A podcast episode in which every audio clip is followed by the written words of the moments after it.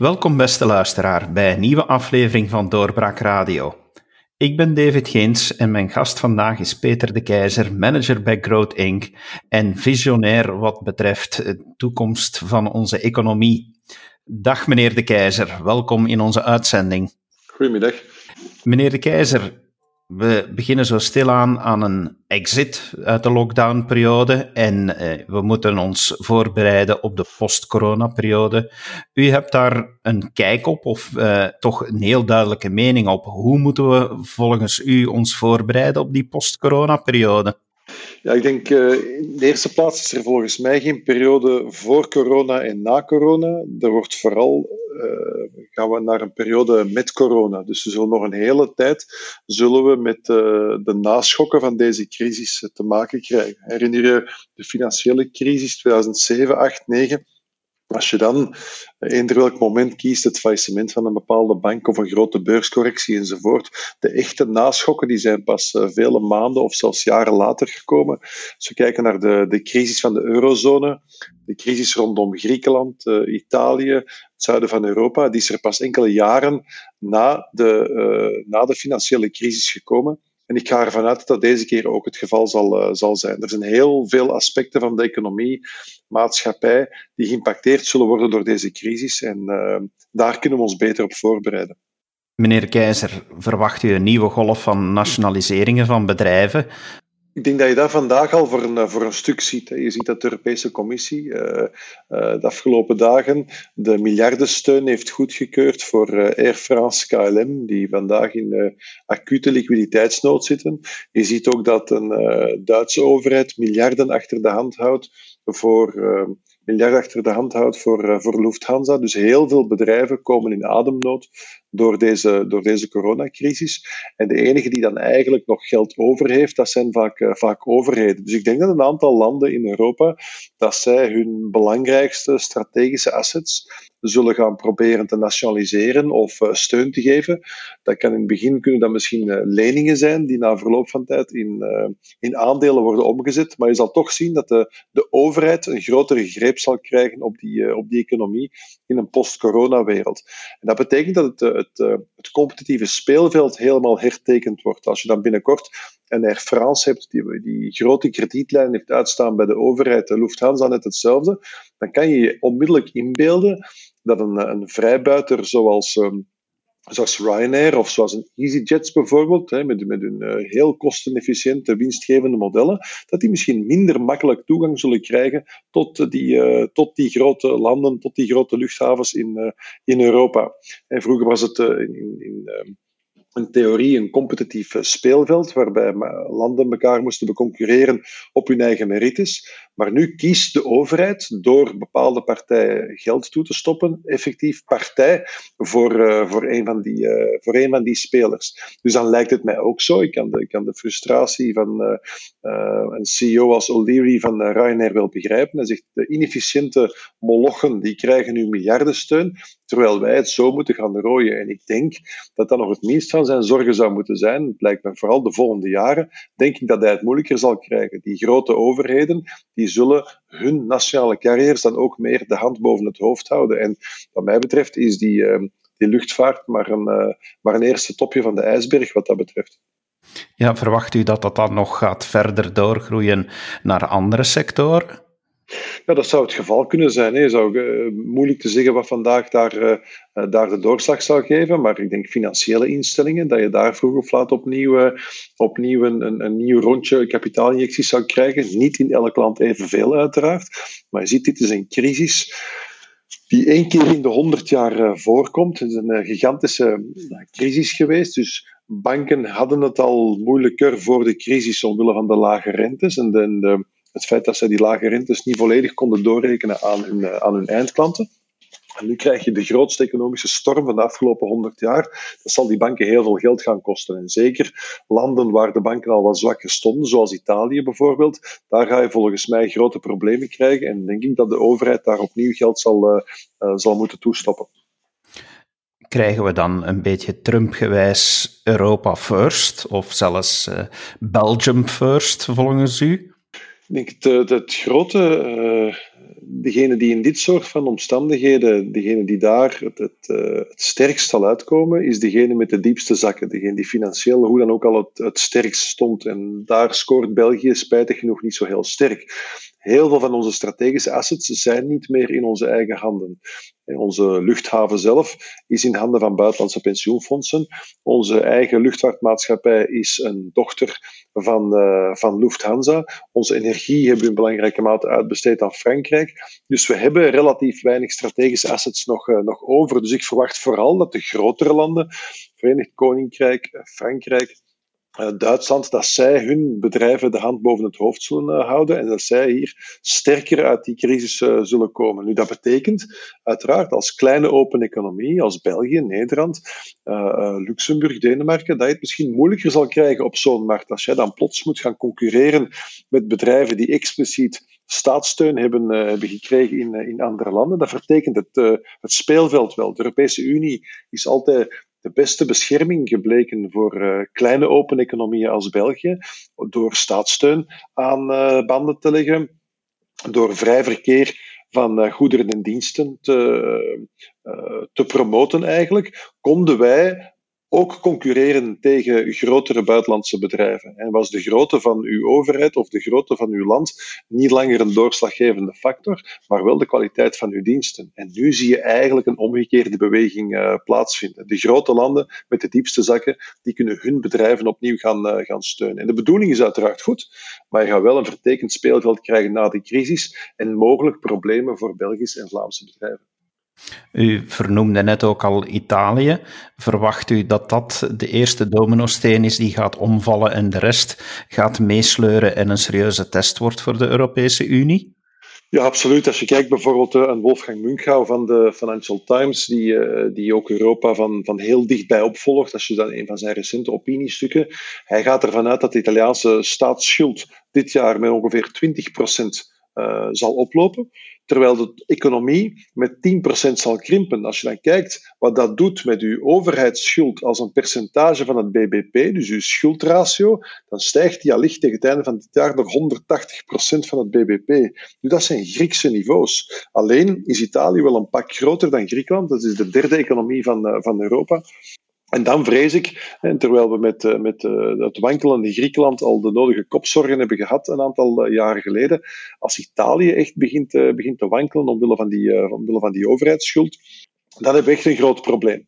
En dan is de oplossing van een aantal mensen om te zeggen van kijk, dan moet die Europese Centrale Bank die staatsschuld maar uh, uh, tot in het oneindige garanderen en dan kan je Italië stabiliseren. dus dan houden we de markten eigenlijk op afstand. De markten kunnen dan niet meer speculeren tegen Italië, want de Europese Centrale Bank die komt onbeperkt tussen beiden. Dat is in theorie juist. Alleen is de vraag of, laat ons zeggen, Duitsland, Nederland, uh, Oostenrijk, Finland, of zij wel bereid zullen zijn om de ECB, wat ook hun centrale bank is, onbeperkt te zullen laten tussenkomen voor een land als Italië. Je ziet nu al een, een grote terughoudendheid van dat soort uh, van die landen om hun lot voor de komende decennia financieel te gaan verbinden aan, uh, aan Zuid-Europa. En ik denk dat ook België en Vlaanderen daar de nodige, de nodige vragen over zou, uh, zou moeten stellen, ehm, vooraleer we, we Ehm, blind in, in, in, laten we zeggen, een, een, eh, een, een, open, een blanco check voor de volgende jaren of voor de volgende decennia zouden stappen, dat we daar toch eens even over nadenken. Ja, als we het dan hebben over dat nadenken. U uh, ja, moet eh, deze week nog gaan spreken voor het Vlaams parlement.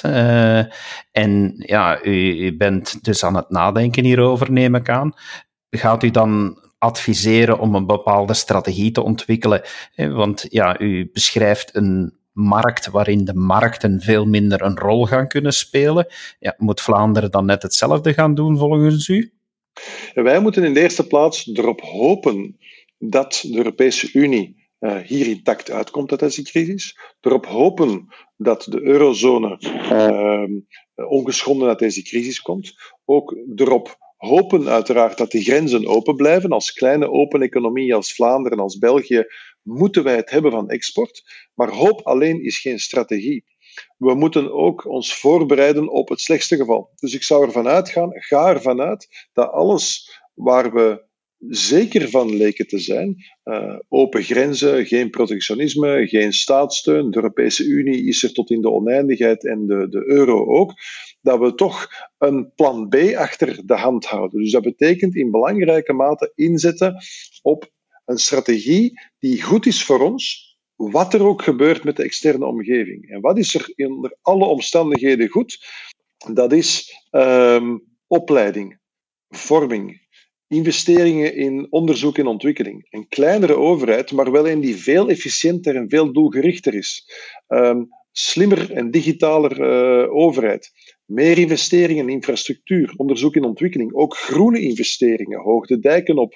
Uh, publieke werken die iets uithalen. Zorg dat we blijven investeren in onze KMO's. Dat is het soort van beleid wat altijd lonend zal zijn. Ik zou daar vooral op, uh, op inzetten en er niet op hopen dat de groei in de rest van Europa ons automatisch wel uit die crisis zal, zal tillen. Ik vrees dat als we iets leren uit de eerste weken en maanden van deze crisis, is dat het in belangrijke mate ieder voor zich is en dat we moeten zorgen dat we ook in dat soort van wereld ons, ons staande houden. En wat betreft dan bijvoorbeeld die, ehm, die, die Italiaanse schuldcrisis vroeg of laat, op dat moment moeten wij ervoor zorgen dat wij gerekend worden bij de sterkere landen van, van Europa. Dat wij niet in dezelfde categorie als Italië worden geplaatst. Is het daar niet al een beetje te laat voor?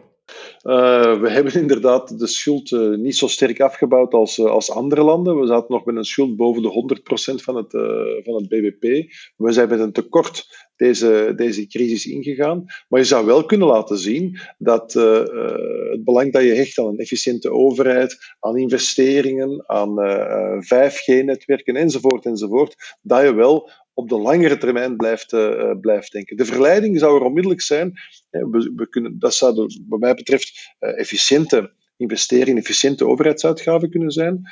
Je zou er ook voor kunnen kiezen, net zoals in de jaren 70, toen we ook een grote crisis hadden, om uh, het brugpensioen toch terug te gaan, uh, te gaan versoepelen, om uh, werkloosheidsuitkeringen te gaan verhogen, enzovoort, enzovoort. Als je dat begint te doen, ja, dan denk ik dat je heel snel bij Zuid-Europa gerekend wordt. Als je daarentegen aantoont dat je voor de langere termijn opnieuw wilt groeien, dat je gaat investeren, dat je een efficiënte overheid wil zijn, die jezelf ook aansluit bij, laten we zeggen, ehm, de meer efficiëntere landen in Europa, dan kan je toch proberen om die perceptie wat te, wat te keren, ondanks een overheidsschuld van 100%. Hoor ik u nu eigenlijk zeggen van oké, we moeten hopen dat een aantal dingen goed gaat en we moeten ons echt inzetten dat een Europese Unie overleeft, dat we een sterke euro hebben. Maar we zouden gek zijn als we niet ook een plan B zouden hebben, een strategie zouden ontwikkelen voor als het allemaal misloopt. Ja, absoluut. Daar ben ik van overtuigd. Hè. Hoop is geen strategie. En dus uh, als we ons voorbereiden op het, uh, op het slechtste en het uh, komt toch uit, dan zijn we op zijn minst voorbereid. Draait het beter uit, dan ehm, is dat een bonus. Hè. Des te beter.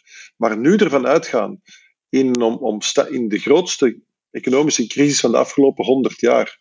Ehm, in een omgeving waarbij je op zeven weken tijd bent geëvolueerd van we gaan nog skiën in Italië en zeven weken later moest zeggen we bevinden ons in de tweede grote depressie. Als je dan zegt van kijk, dat was het en voor de rest blijven al onze zekerheden wel overeind, dat zou ik uh, bijzonder naïef vinden. Wij hebben te laat gepanikeerd over deze, over deze pandemie. Dus we hebben ze te laat aangepakt, waardoor we veel drastischer moesten zijn met onze maatregelen. We zijn te laat aan het panikeren over eh, de, de economie. Dus een week lockdown erbij of nog eentje erbij.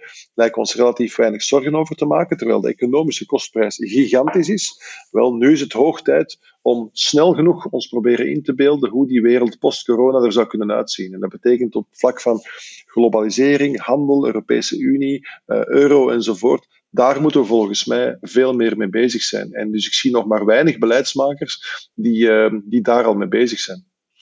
Vreest u niet dat u met uw ideeën gaat weggezet worden als doemdenker?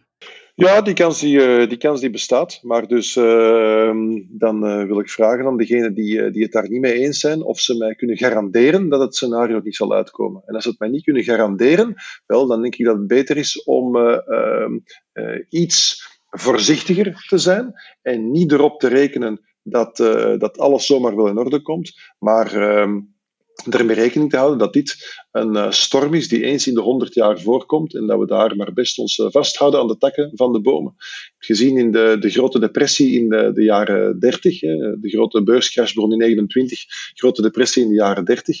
Het heeft bijna twee decennia geduurd voordat die beurs terug hersteld was. We hebben de New Deal gekregen van, van Roosevelt in de Verenigde Staten, maar in Europa hebben we fascisme gekregen en nationaal socialisme op een aantal plekken. Dus dit soort van gigantische economische schok, die zal gevolgen hebben. Achteraf zullen we heel duidelijk kunnen toewijzen wat die gevolgen zijn. Vandaag is dat nog koffiedik kijken. Maar je moet ervan uitgaan dat heel veel zekerheden op de schop zullen gaan. En ik begrijp best dat zoiets voor een politicus bijzonder moeilijk is om, uh, om uit te leggen. Hè. Hoe zeg je nu van, kijk, er komt iets onzeker op ons af, we weten niet wat we moeten doen, maar hou u vooral vast. Dus dat is een hele moeilijke. Maar dus, uh, uh, dat, dat is volgens mij het grote, het grote probleem. Als u dat zo beschrijft en we gaan een beetje dystopisch denken, kan je dan ervan uitgaan dat je iedereen kan redden en dat je iedereen kan meekrijgen? Nee, dat is niet het geval. Je ziet een aantal bedrijven uh, zullen inderdaad deze crisis op zich, dus deze aantal weken lockdown, al niet uh, overleven. Die gaan, uh, die gaan over kop. Omwille van te weinig cash en te veel kosten en te veel schulden. Die zullen over kop gaan. Je ziet de eerste trouwens al, al over kop gaan. Maar dan zijn er vervolgens een aantal bedrijven die in een uh, anderhalve meter samenleving niet levensvatbaar zullen blijken te zijn. Als jij een restaurant hebt, bij wijze van spreken, waar je elke dag uh, eh, 150 klanten over de vloer moet krijgen en uh, omwille van de anderhalve meter samenleving zijn het er binnenkort nog maar 50, dan ben je niet langer winstgevend. Dan verdien je niet meer genoeg om die huur te betalen, personeel enzovoort. Dus dat soort van zaken die zullen ehm, die zullen gaan verdwijnen. Ook uh, toerisme, luchtvaart, er zullen heel grote klappen vallen en je zal ook niet alles kunnen redden. En dat wordt ook de grote, de grote uitdaging van, uh, van de overheid om te kijken wat valt er te redden en uh, welke sectoren zijn levensvatbaar voor, voor de langere termijn. Dus, dus dan denk ik, ehm, wij hebben in het verleden al de traditie gehad als België om met subsidies sectoren overeind te houden die niet levensvatbaar zijn. Denk aan ehm, koolmijnen, staal, automobiel enzovoort. Uh, ik denk dat we de volgende periode vooral moeten inzetten op die sectoren waar nog wel groei te vinden zal zijn. Hè. Maakindustrie, hoogkwalitatieve um, producten, uh, groene, uh, groene economie. Dat is het soort van zaken waar wij, waar wij het van zullen moeten hebben in de komende periode.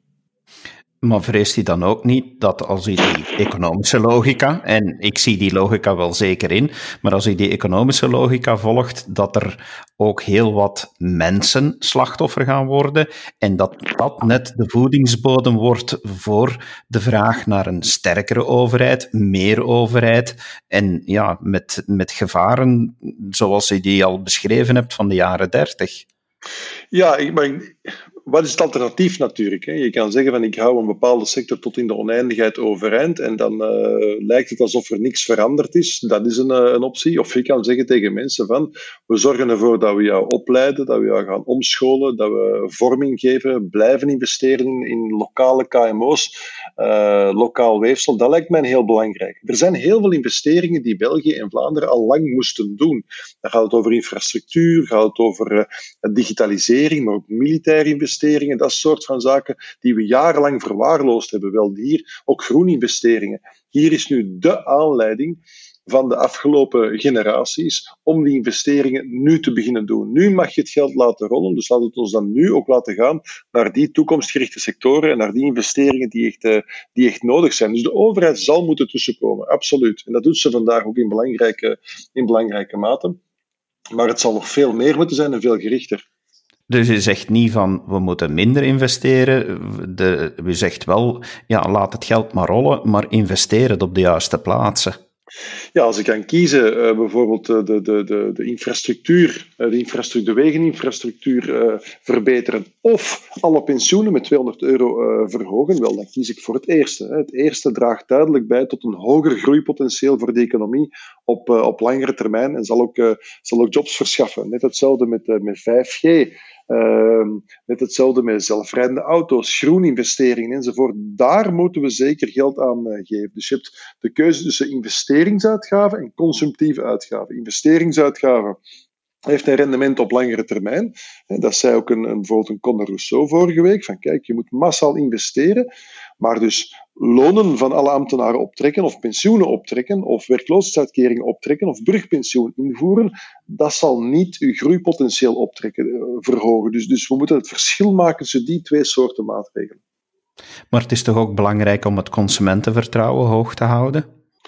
Ja, natuurlijk is het belangrijk om consumentenvertrouwen hoog te houden, maar dat is iets dat op korte termijn speelt, uh, speelt natuurlijk. Als je kijkt, uh, wij hebben eh, in de jaren 70, 80 brugpensioen ingevoerd om zogezegd de weinige beschikbare jobs beter te verdelen onder de bestaande bevolking. een halve eeuw later zitten we nog met, uh, met dat systeem. Dus slechte en ondoordachte keuzes maken voor uw economisch beleid, die, uh, dat, zijn, dat zijn keuzes die ons later duur te staan kunnen, kunnen komen. Dus consumentenvertrouwen is goed. Ik denk echt dat consumenten negatief nieuws, dat ze daar best tegen kunnen. Maar onzekerheid over wanneer we hieruit geraken, wat we gaan doen, dat is iets waar mensen het veel, veel moeilijker mee hebben. Heb je voor zoiets dan nu geen sterke leider nodig in de politiek om dat aan te durven?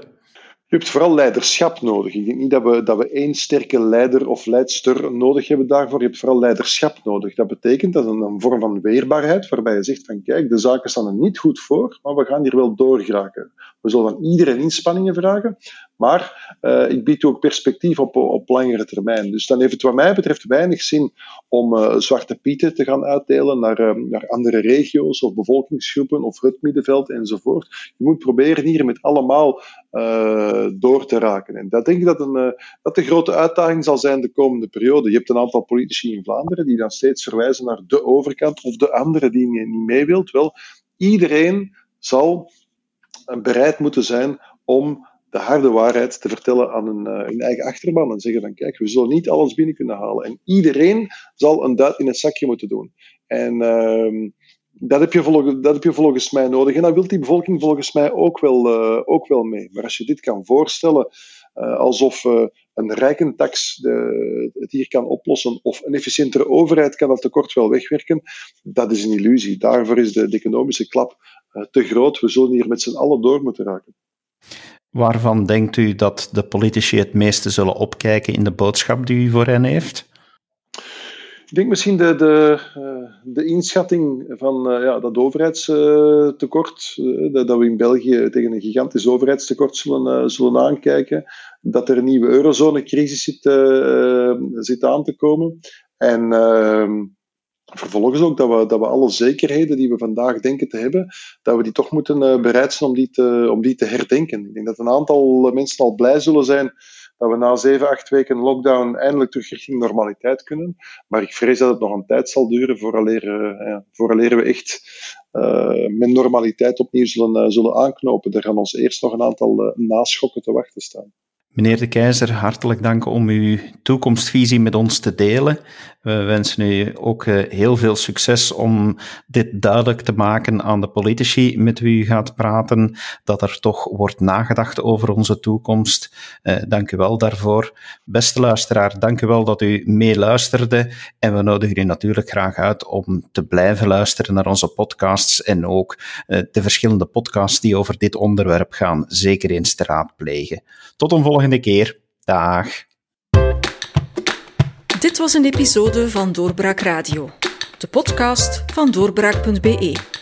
Volg onze podcast op doorbraak.be/radio of via Apple Podcasts, Overcast of Spotify. Bezoek ook onze website op doorbraak.be en steun ons door een vriend te worden van Doorbraak.